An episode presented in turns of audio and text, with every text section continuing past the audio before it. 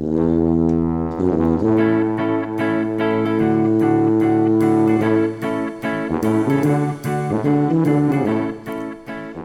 Da ønsker vi velkommen til ei ny sending med Vekas utvalgte. Og dagens gjest det er en tidligere ordfører og stortingspolitiker, og som trolig hadde en av sine beste dager som politiker for ganske nøyaktig ti år siden, da Kvifsveien ble offisielt åpna. Velkommen til deg, Bjørn Lødemel. Tusen takk for det.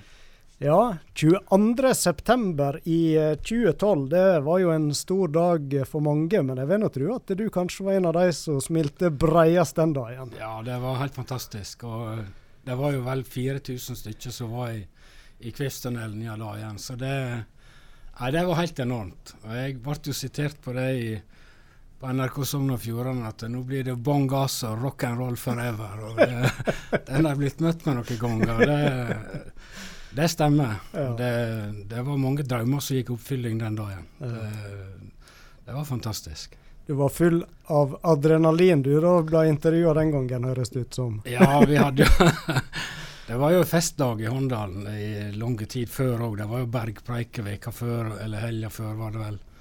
Så det var, og da var det jo like mye folk. Altså Det var jo 3000-4000 da, tror jeg. Slik at vi, eh, når det begynner å nærme seg da Jeg hadde jo laga invitert mange politiske venner til Håndalen for å være med på, på uh, feiringa, uh, i tillegg til det offisielle. Da. Så jeg hadde både Erna og Jan Tore der, og alle Høyre-ordførerne i, i, i Sogn og Fjordane Møre og Romsdal. Vi har 80 stykker til middag på, på Raftevolls hotell. og så hadde, hadde han Odd Kåre Hjelmeland han hadde fått tak i Cadillacer. Så vi reiste altså med seks Cadillacer fra Raftevolls Rastvoldshotellet opp til åpninga. Så, så, da var vi godt rusa på adrenalin, det skal, jeg, det skal jeg love deg. Og så var det jo laga et fantastisk program der. altså De på scenen der, og, og mye fin musikk. og Så nei, det var Det var en god rus, for å si det på den måten. da. Og så ja. har det jo Det har jo blitt på en måte enda bedre kunne ønske og kunne drømme om, egentlig. altså Quizveien har betydd enormt mye. og så eh, jeg var jo med på mye av det som skjedde. Jeg ble ordfører i 95. Og da var akkurat Kvissveien Da var det akkurat bestemt at Kvissveien skulle være en mulig del av, uh, av den midtre linja fra gjennom Sogn og Fjordane, og at det skulle lages en fylkesdelplan fra Nordfjordeid til Volda. Ja, så da så, begynte du din uh, målretta kamp, du, da?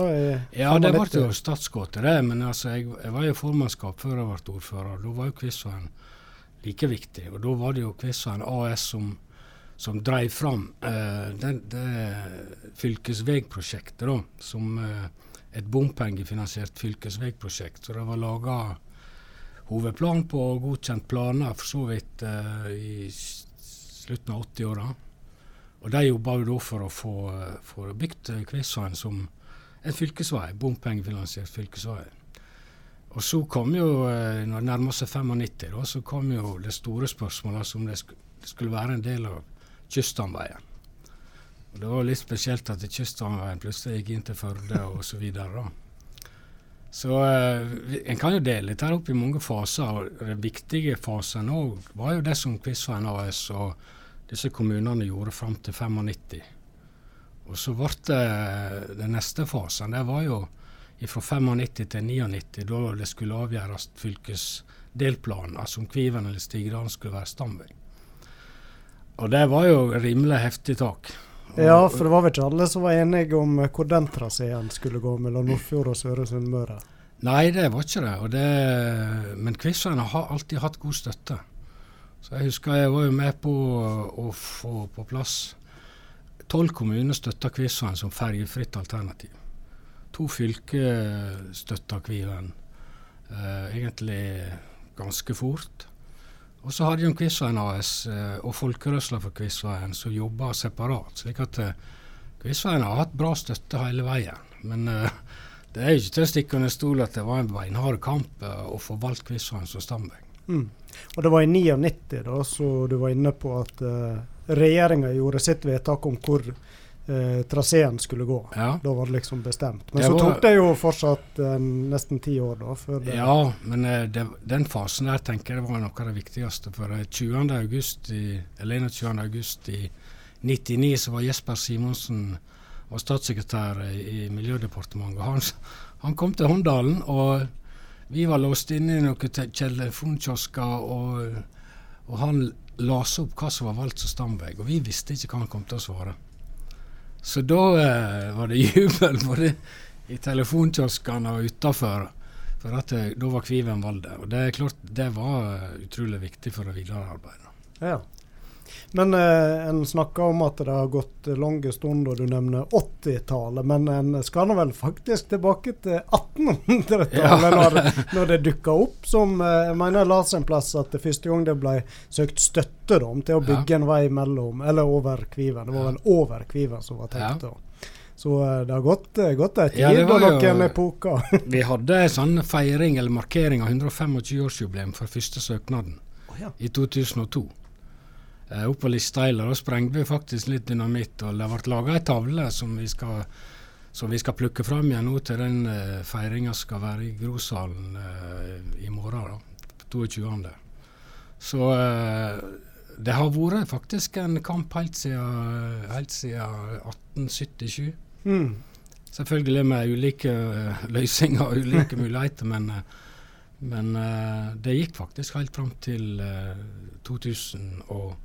2012 før, før det var realisert. Så det, men andre fasen her, det var jo da etter at Kvesheim var valgt, det var jo å få den inn i Nasjonal transportplan.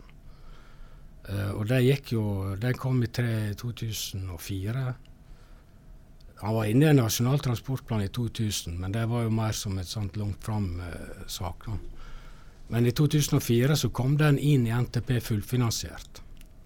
Ja. Og da gikk det eh, fire år til før han starta bygging, men, men det, det var egentlig ekspressfart i forhold til Jeg har jo vært med og vedtatt to NTP-er på Stortinget og ser jo har jo sett de, de prosessene som har vært. Og, og jeg mener at jeg leste en plass at uh, tidligst oppstart for Kvitsveien kunne være i 2011 og ferdig i 2015.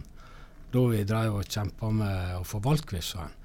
Men det ble altså oppstart i eh, 22.1 i 2009 og ferdig 22.9. I, i 2012.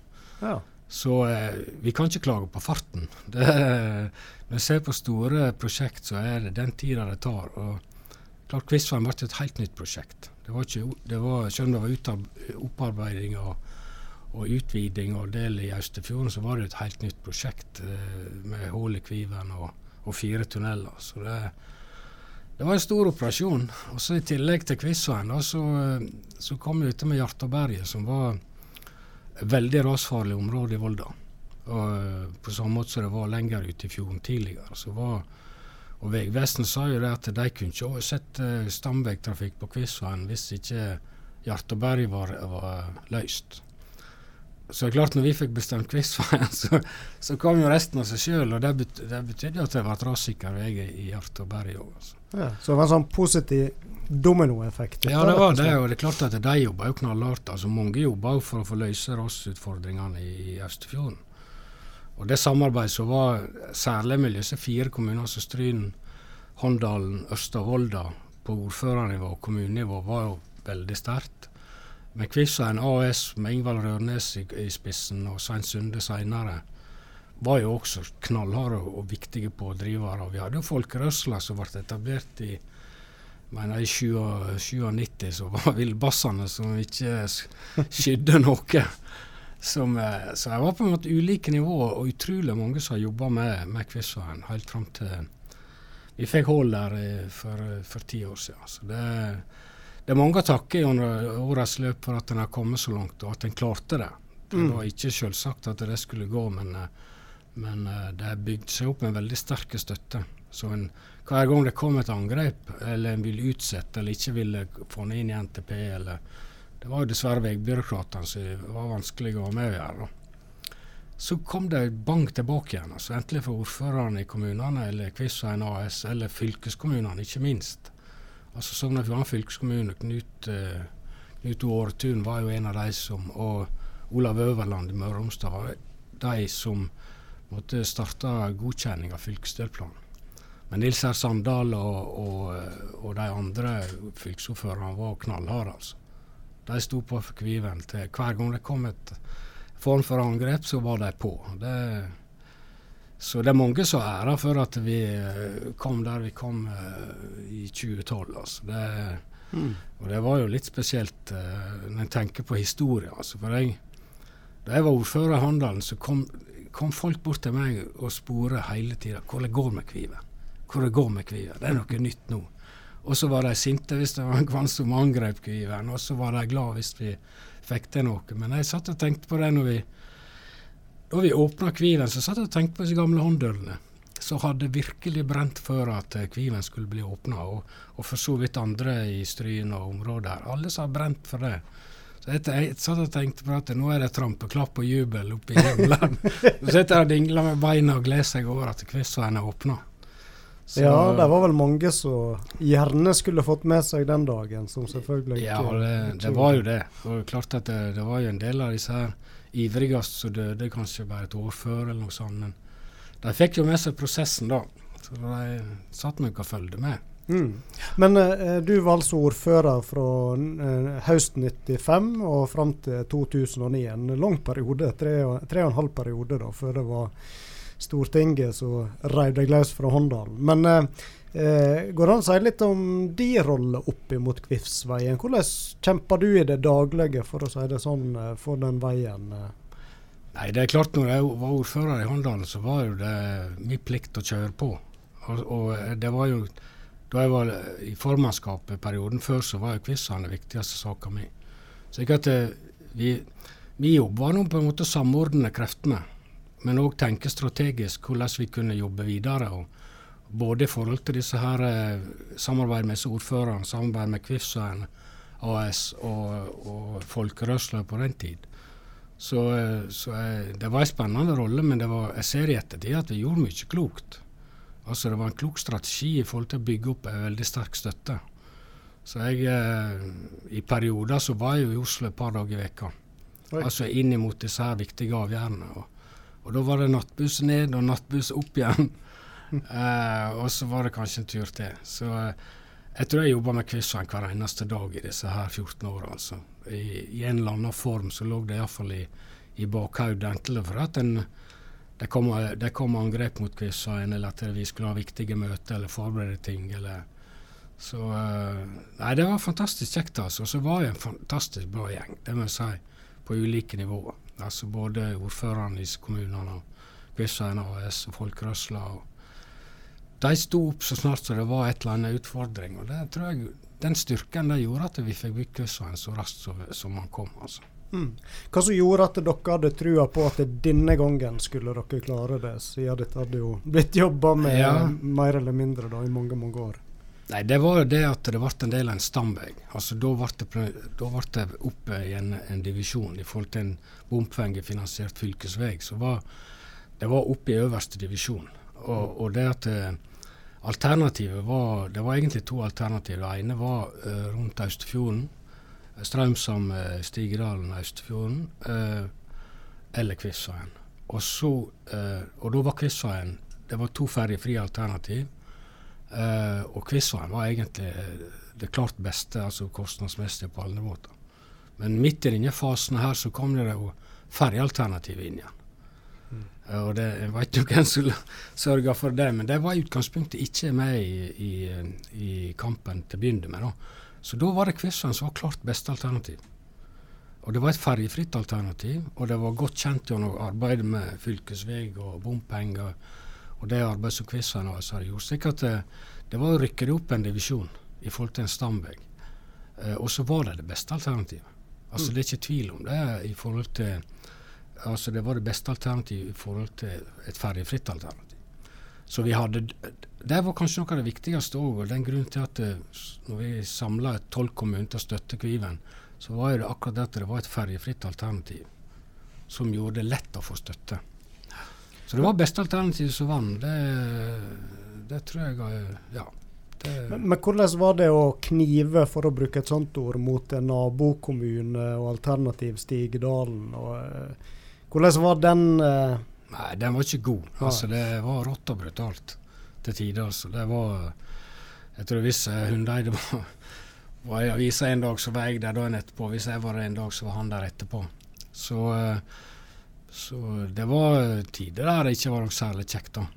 Og det var episoder som, som sikkert stakk litt dypere enn det andre, men men det, altså vedkamp er ofte brutalt. Altså det, det, du, du må Vi skal selvfølgelig være greie med hverandre, men det, det er Jeg bruker å si det, vi blir jo paranoide før eller senere i, den politiske bransjen. Og, og, og, da blir det jo gjerne litt sånn at du, du litt, eh, tenker litt annerledes enn det som er fakta. Men vi har nok landa på, på jorda igjen etter hvert. Men eh, hele perioden her var, var rimelig tøft. altså. Det det, nå hadde vi selvfølgelig veldig mange som støtta Kviven. sånn at Vi var veldig mange som, som uh, var opptatt av den sida. Så var jo Eid sto jo uh, nesten alene på Stigdals alternativ. For uh, da vi fikk til den Grodasemja i, i 96, så, så var jo det Handalen, Stry, Nørstad, Volda, Eid, Eid Gloppen. Mm. Og Gloppen forholdt seg jo til, til Grodasemja, altså med Kviven som stamvei. og men det var jo, for, det var jo en forutsetning om at det skulle ha tofelts i Stigedalen, som ble litt problematisk etter hvert.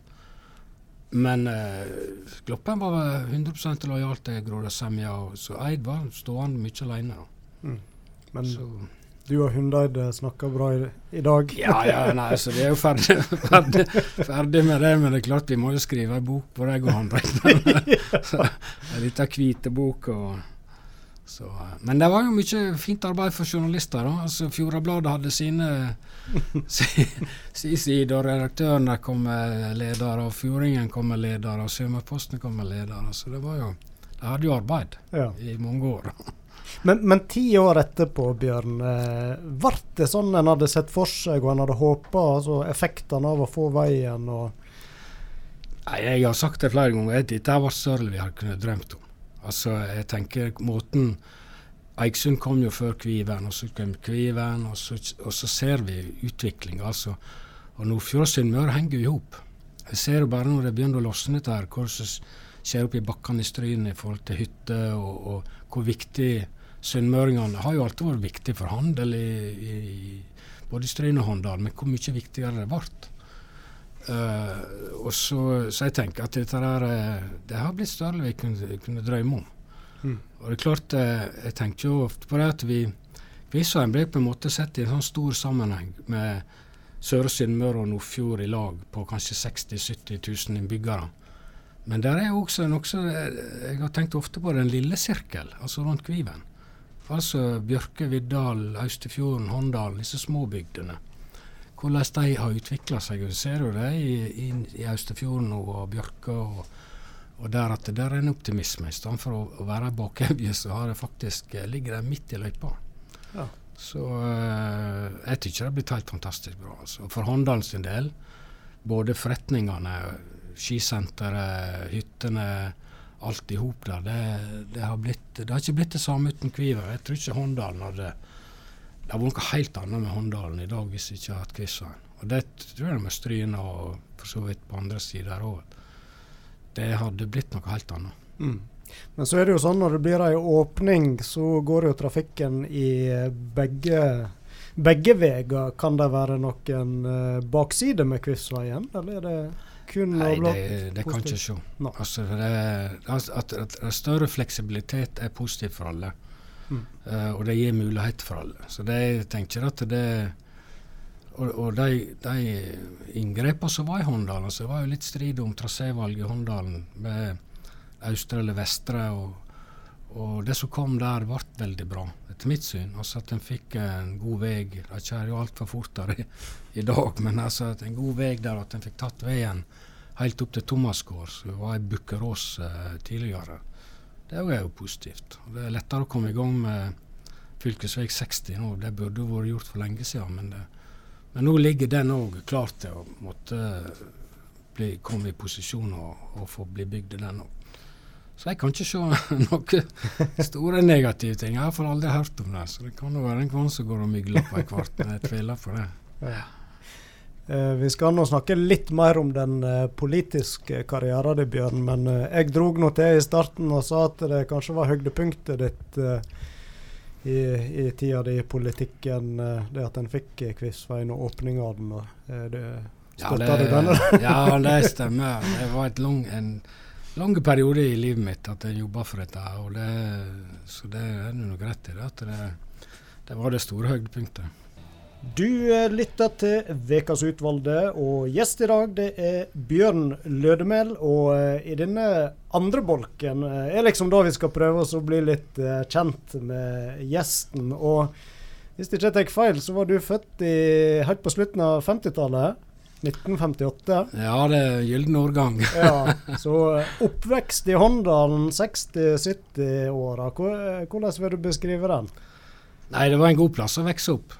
Det må jeg si. Og vi var en god vennegjeng som holdt i lag i tjukt og tynt gjennom skolen og, og så videre. Og så var det jo i Håndalen var det jo eh, Grofabrikken f.eks. skapte jo liv og røre. Og, og, eh, det har jo gjort at en har vært litt ekstra opptatt når det som skjedde på Gro.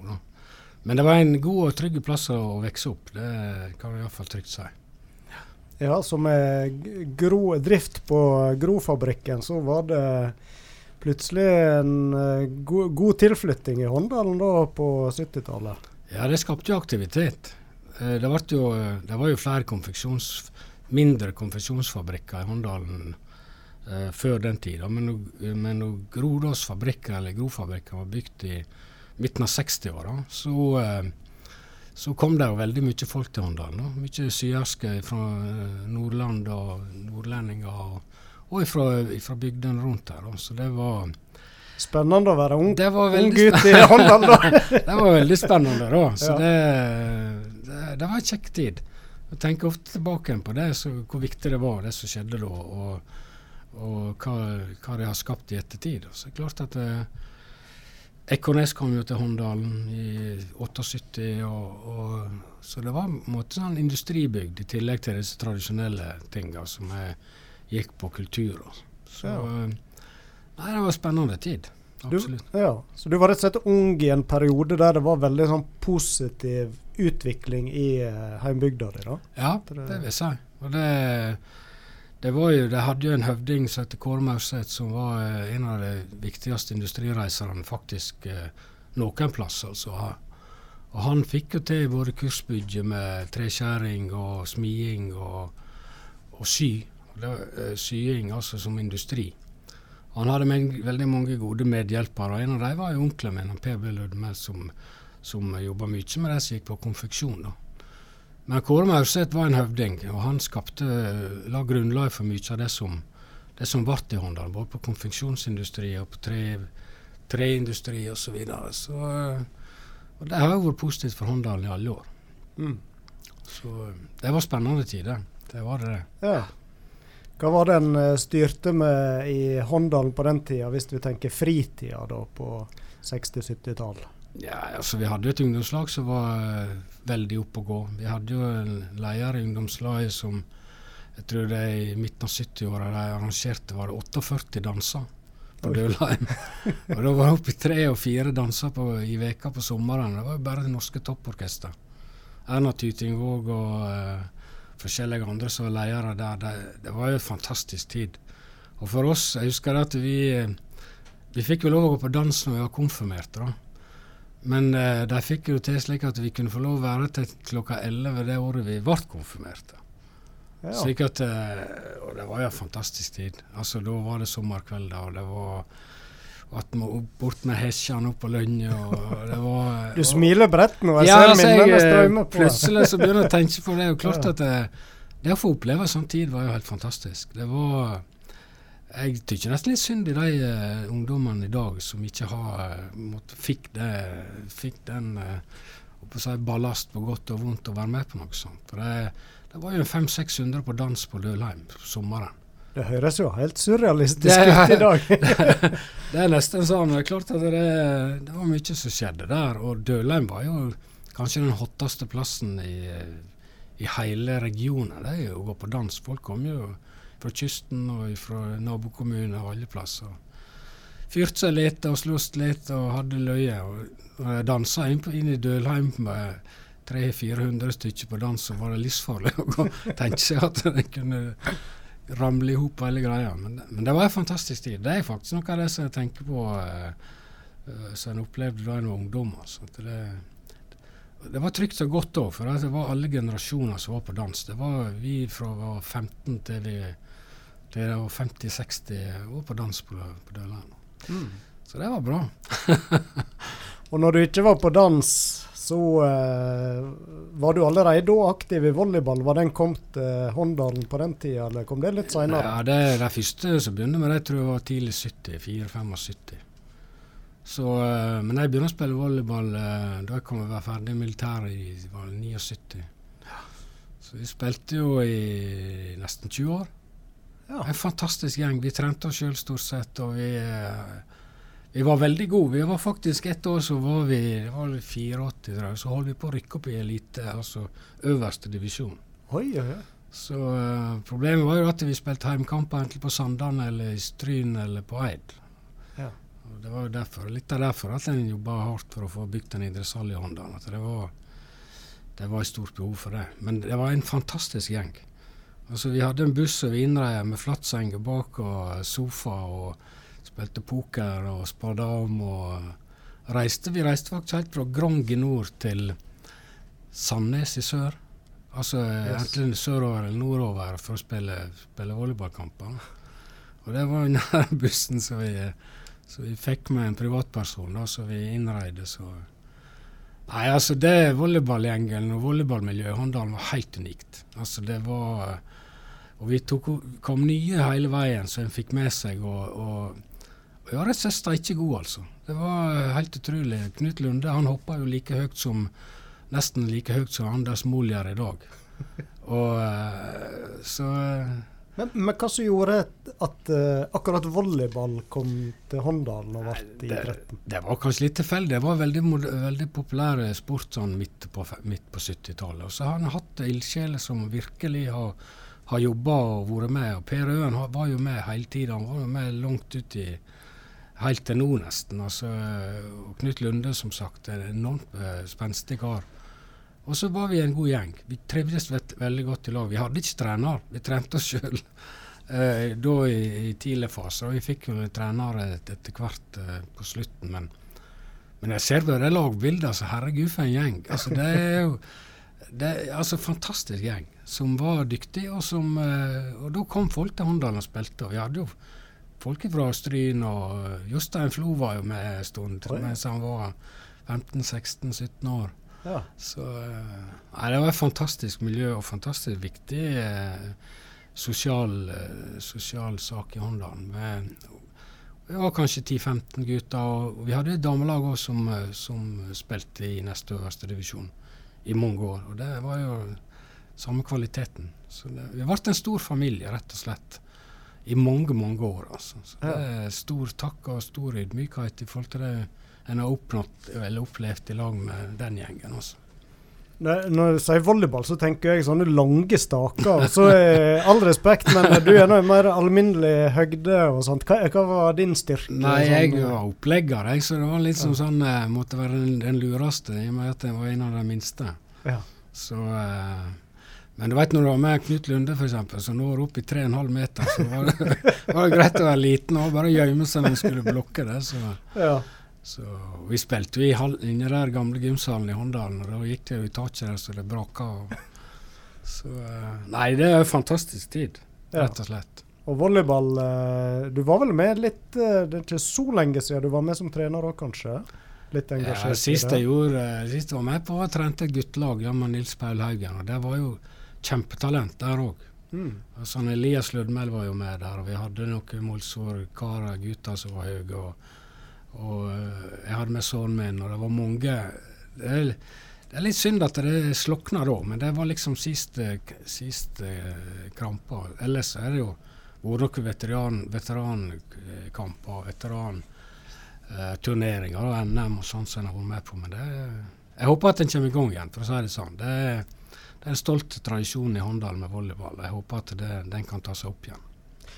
Eh, du fortalte at hun som er kona di, hun Elisabeth, hun uh, møtte du allerede når du var 18 år og hun var 15. Var det på volleyballbanen du imponerte henne? Nei, det var, det var ikke det. Jeg var Nei, jeg, var, eh, jeg møtte Elisabeth på femte juledagsfest på Lønja i 1976.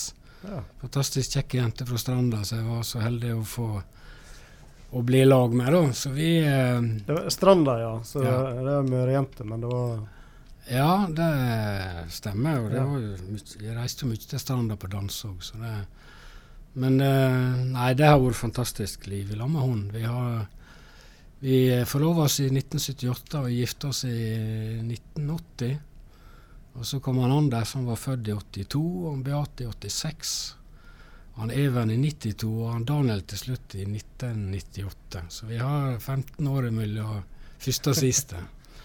Så uh, Nei, Elisabeth hun betyr alt for meg. Så det, ja. det har vært veldig kjekt. Og det er mange år når jeg tenker tilbake på det, så er det klart at det, det er mange år, men det er mange gode år òg. Så det Nei, familien det betyr egentlig alt for meg. Det, ja. ja. Og i dag er det hun som driver familiebedrifter? Ja, ja, ja, det er hun som berger den. For hun kom til Håndalen i 79. Hun flytta hjem til oss i 79, og da jobba han på butikken med han far. Ja. Eh, og så ble det mer og mer hun etter hvert. Og så overtok vi butikken i 1989. Så vi har jo holdt på i år, nei, I fjor var det 100 år siden Besten starta, starta Lødmel, eller butikk, eh, butikken her. da. Så vi har jo drevet og skrevet litt historier. Det er fantastisk spennende historier. det er men uh, altså, jeg jobba på Ekornes i hele 80-åra. Var der fra 79 til 92. En. Og da var jo hun som drev butikken. Så, uh, og fra 1995 så ble det jo politikk på meg, så det er jo hun som har gjort butikken til det han er i dag. Og det, folk er jo veldig begeistra for denne lille butikken, så det, hun gjør en kjempejobb da.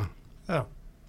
Ja, du fikk nok en, ja, ganske mange år på Ekornes, og eh, så eh, var det inne i politikken eh, for fullt. Men hva var det som gjorde at du begynte å engasjere deg politisk? Er du fra en politisk engasjert familie, eller var det litt tilfeldig? Ja, altså jeg er fra en samfunnsengasjert familie. Både onkel Per og far og Halvdan, som er to av onklene mine. og var veldig interessert og opptatt av det som skjedde i Håndalen. Så det, det har nok fulgt litt, det. Og så uh, kom jeg vel inn i Høyre da Oddvar Nordli var uh, den store lederen, og Kåre Willoch. Så Ja, du, jeg tenkte på det. Du er jo fra en landbrukskommune, da. Og ja. kanskje ikke så opplagt på en måte at det skulle være Høyre der, eller? Nei, det var ikke det. det men det er klart, lokalpolitikken er gjerne mer person...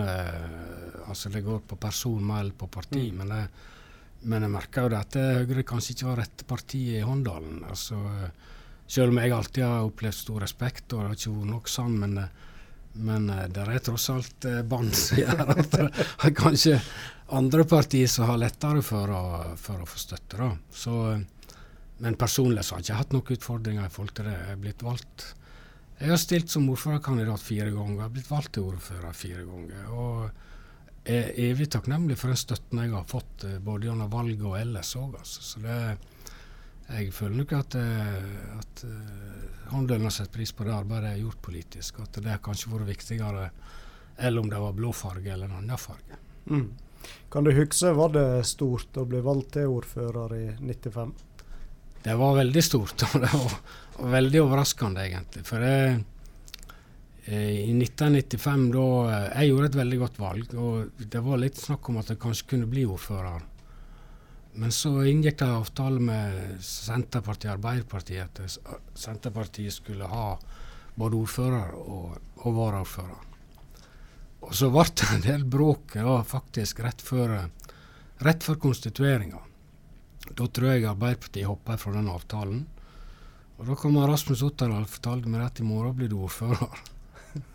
Og det var jo, jeg, jeg, var jo totalt uforberedt på det, sånn sett. At jeg visste jo ikke at det var at det hadde vært møte engang.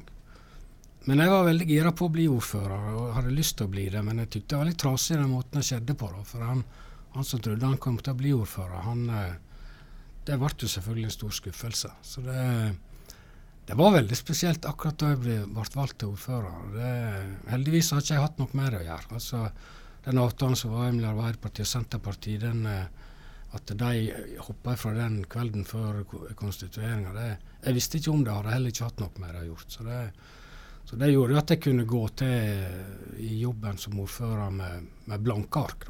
Mm. Og så ble det nå Altså, det var ikke noe uvennskap mellom meg og andre på, på grunn av det som skjedde der, heldigvis. Men jeg hadde jobba veldig hardt med Kviven, og, og, og det hele perioden jeg var, jeg var, eh, mens jeg var i formannskapet. Så jeg tror at det, den jobben jeg gjorde for Kvivsveien, kanskje var medvirkende årsak til at jeg ble ordfører. Tror du det påvirka òg at du ble valgt uh, igjen tre ganger seinere òg? Ja, altså det var jo en, en krig med Kviven, og jeg var jo med på det meste av det som skjedde. Så det, det tror jeg faktisk var, var ja, jeg tror det var veldig viktig, men vi jobba med mange andre ting òg. Så jeg, har kikka litt på gamle, gamle historier. og det, Vi hadde nok fingrene borti mye. Så, men Kvitsheim var nok hovedsaka, det, det, tror jeg absolutt. Mm. Men, men hva andre saker husker du som uh, var gjeldende i Håndalen på den tida du satt som ordfører?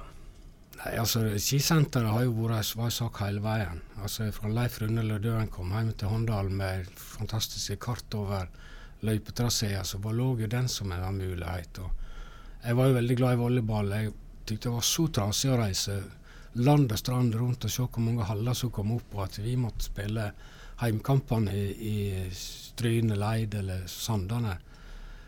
Jeg drømte om en hall lenge, og det var òg ei viktig sak. Det ble ei veldig vanskelig sak òg.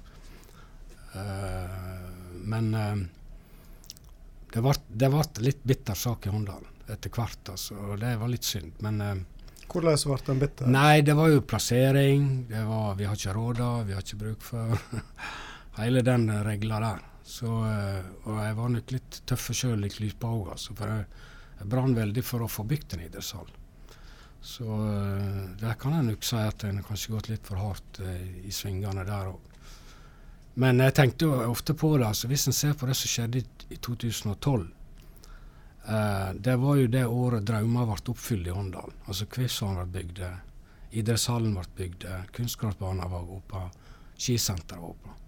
Ja. Altså, og så så jeg på en gammel eh, genser som vi har gitt ut i 2012.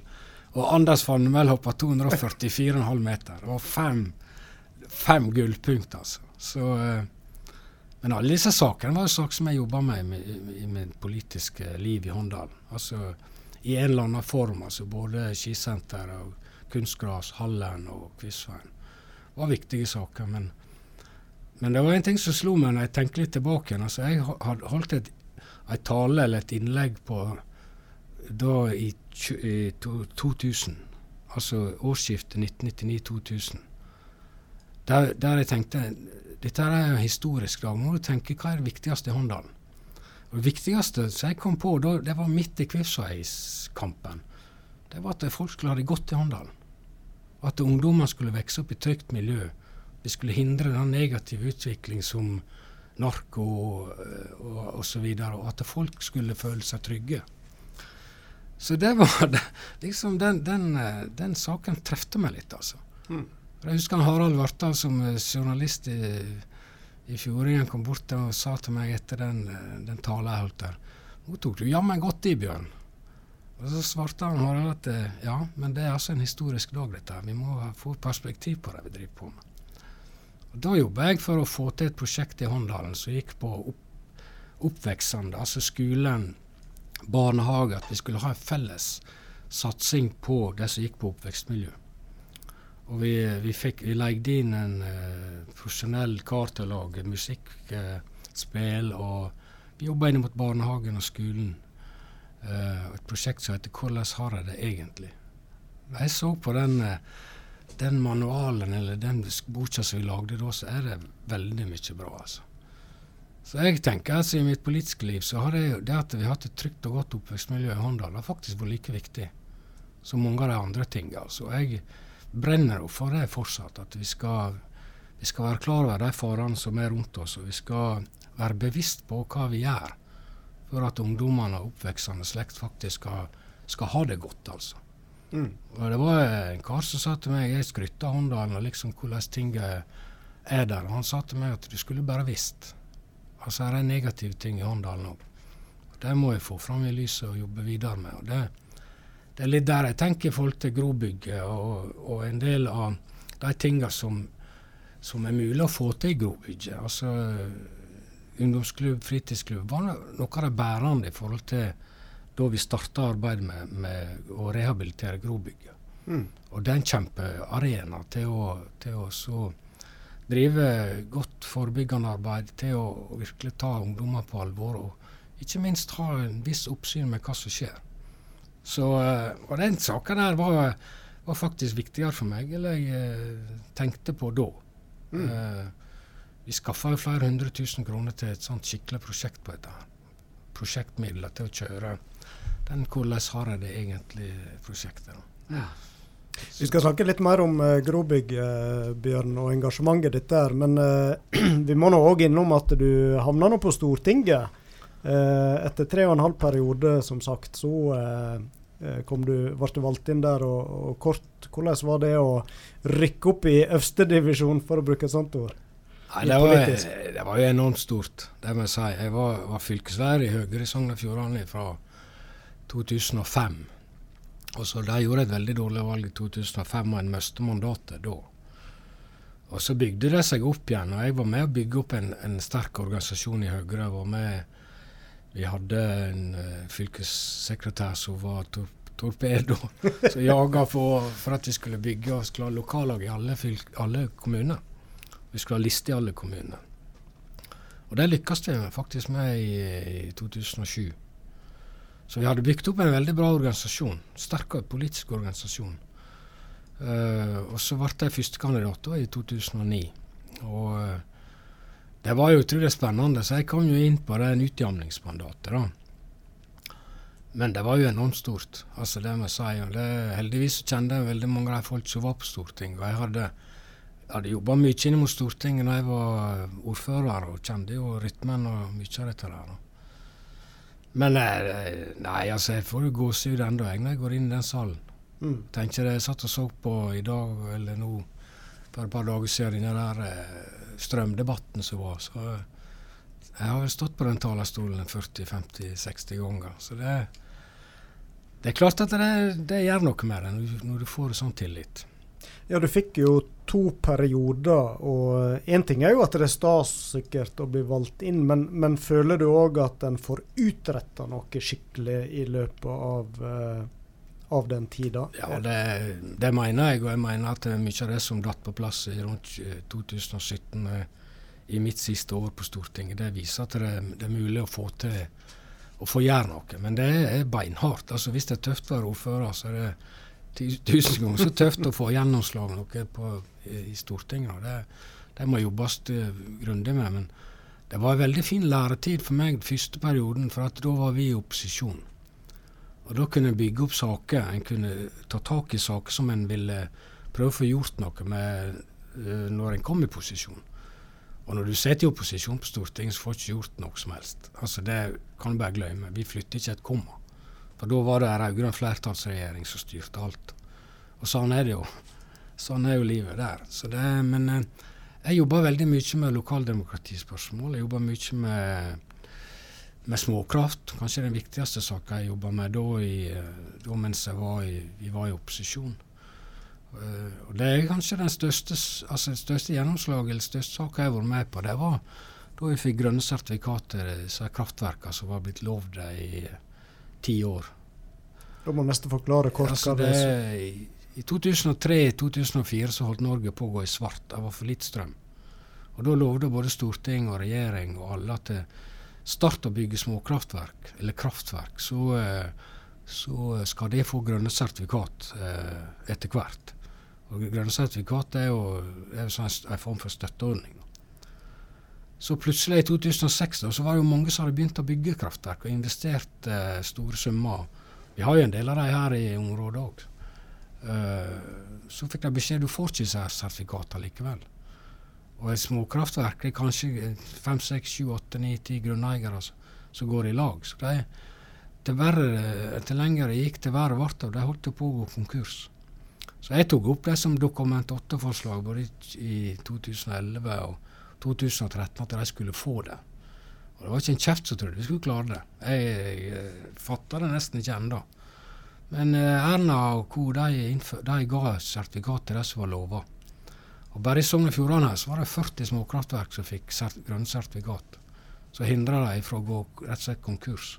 Innvik fikk, eh, Byrkjelo Kraft fikk, Kjøsnesfjorden fikk. Det var en støtteordning på, som verdsetter kanskje et par milliarder kroner.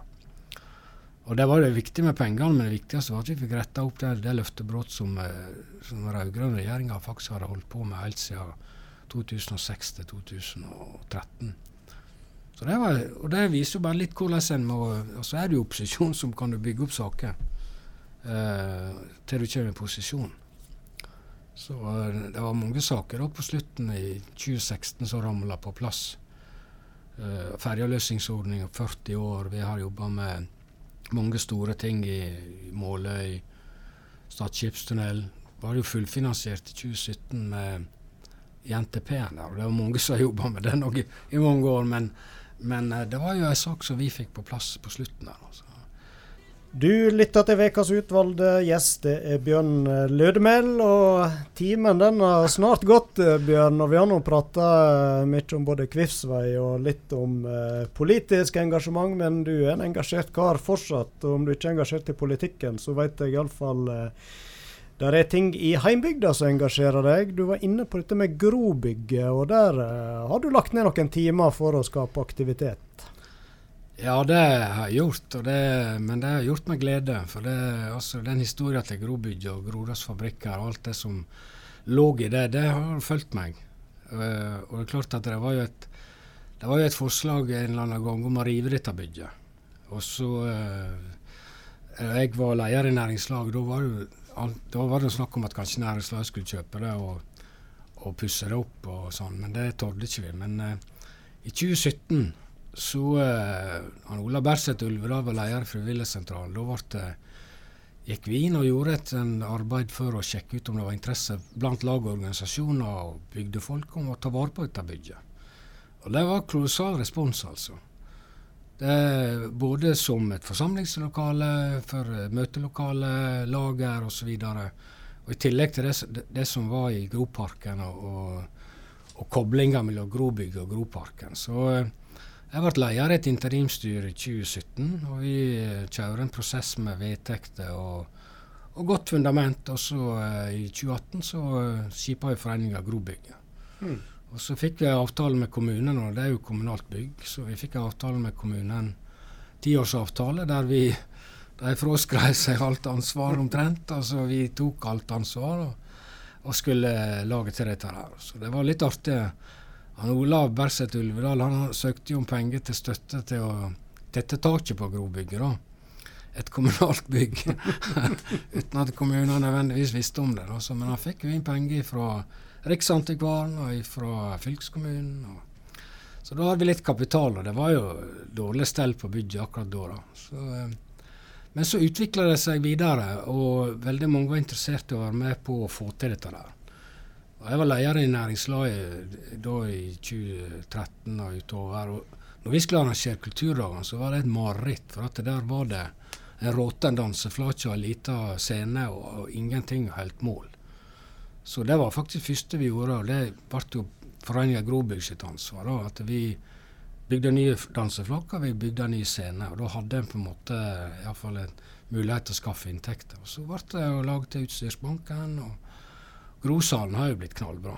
Altså, Takket være en kreativ gjeng som, som er knallharde på hva en skal gjøre, og, og farger og andre greier, så, så har det blitt fantastisk bra. Nå i dag så driver jo Kirstelystova og pusser opp sitt lokale. Bygdesamlinga pusser opp sitt lokale. Vi vært ferdig med offentlig toalett i, i Grobygget, så det er fem flotte toalett nå. Så, så nå er det begynt å nærme seg et kvart. Ja, Så det som var et uh, vedtak unna å bli revet, det fungerer nå som et uh, forsamlingshus og samlingspunkt? Ja, ja. Det er folk er kjempeglade. Vi får bare skryt for det arbeidet som vi har gjort. Og, Og det har blitt en, har blitt en sånn samlingspunkt i, i Håndalen. Altså, ungdomsklubben er der, fritidsklubben er der. Vi har lekt ut alle rommene der. Så, eh, så det, det, har blitt knallbra. Altså. Så var vi hadde et godt samarbeid med kommuner i Horndal kommune. Da de finansierte resten i forhold til å tekke taket. Vi fikk 700 000 til offentlige toalett. Og, nå har vi et kjempegodt samarbeid med Volda kommune, som uh, går inn med penger når vi trenger det. Men uh, det har vært mye arbeid. jeg tror det Foreninga Grobygg totalt sett har hatt en 5000-6000 timer dugnad på, på Grobygget. da.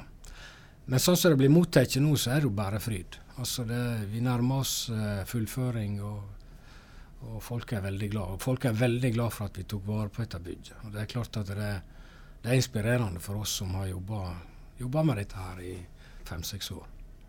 Tida den uh, går dessverre, dessverre ifra oss, uh, Bjørn. Uh, det er mye vi skulle prate om i dag. Så er jo du leder i Sogn og Fjordane næringsråd. Om tre år så kan du vel strengt tatt kalle deg pensjonist, men det er nokså sier meg at du har ikke planer om å sette deg i stresslessen da? Nei, iallfall ikke med ting som jeg opptar meg i Håndalen. Altså det, jeg er veldig glad i Håndalen. Veldig glad i folket som bor her, så jeg tror jeg kommer til å fortsette iallfall med den type arbeid, selv om jeg eh, blir pensjonist i ellers òg. Så det, vi skal nok stå på. Ja. Da vil jeg si tusen takk for en uh, veldig hyggelig prat, og så må vi ønske lykke til med markering av Kvistveig tiårsjubileum på ja, i morgen blir det, og så uh, alle de andre prosjektene du er involvert i. Og så helt til slutt så får du med et uh, en ønskemelodi her, og den var spesielt eh, dedikert eh, kona di, så du har vært i lag med i mange, mange år. Ja, jeg syntes det var en fin melodi og en fin tekst, og det passer godt å, å dedikere til, til Elisabeth. Ja. ja, melodien den heter rett og slett 'Perfect', og det er Ed Sheeran som synger, så da eh, koser vi oss med den, og tusen takk for en kjekk prat. Sjøl takk. For me Darling, just dive right in. Follow my lead. Well, I found a girl, beautiful and sweet. Well, I never knew.